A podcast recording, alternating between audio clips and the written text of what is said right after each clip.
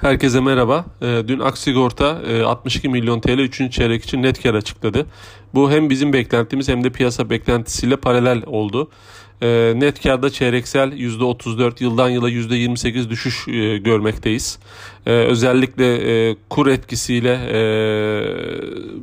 kur etkisiyle kasko branşı, branşı kaynaklı bir baskı var karlılıkta bunu görüyoruz. Yine artan trafik ve hasar frekansının e, teknik kaleme olumsuz yansıdığını görüyoruz. E, ama hani sermaye getirisi olarak ikinci çeyrekte %35'e yakın e, bir sermaye get- getirisi varken ikinci, üçüncü çeyrekte de yine yüksek bir seviyeye seviyede %32'de biraz geri çekilmiş ama e, yine yüksek bir seviyede kalmış sermaye getirisi.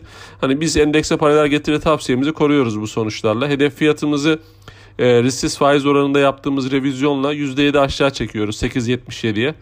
Ee, bu sene için %2 net karda düşüş bekliyoruz. Ee, önümüzdeki sene için %23 yükseliş bekliyoruz.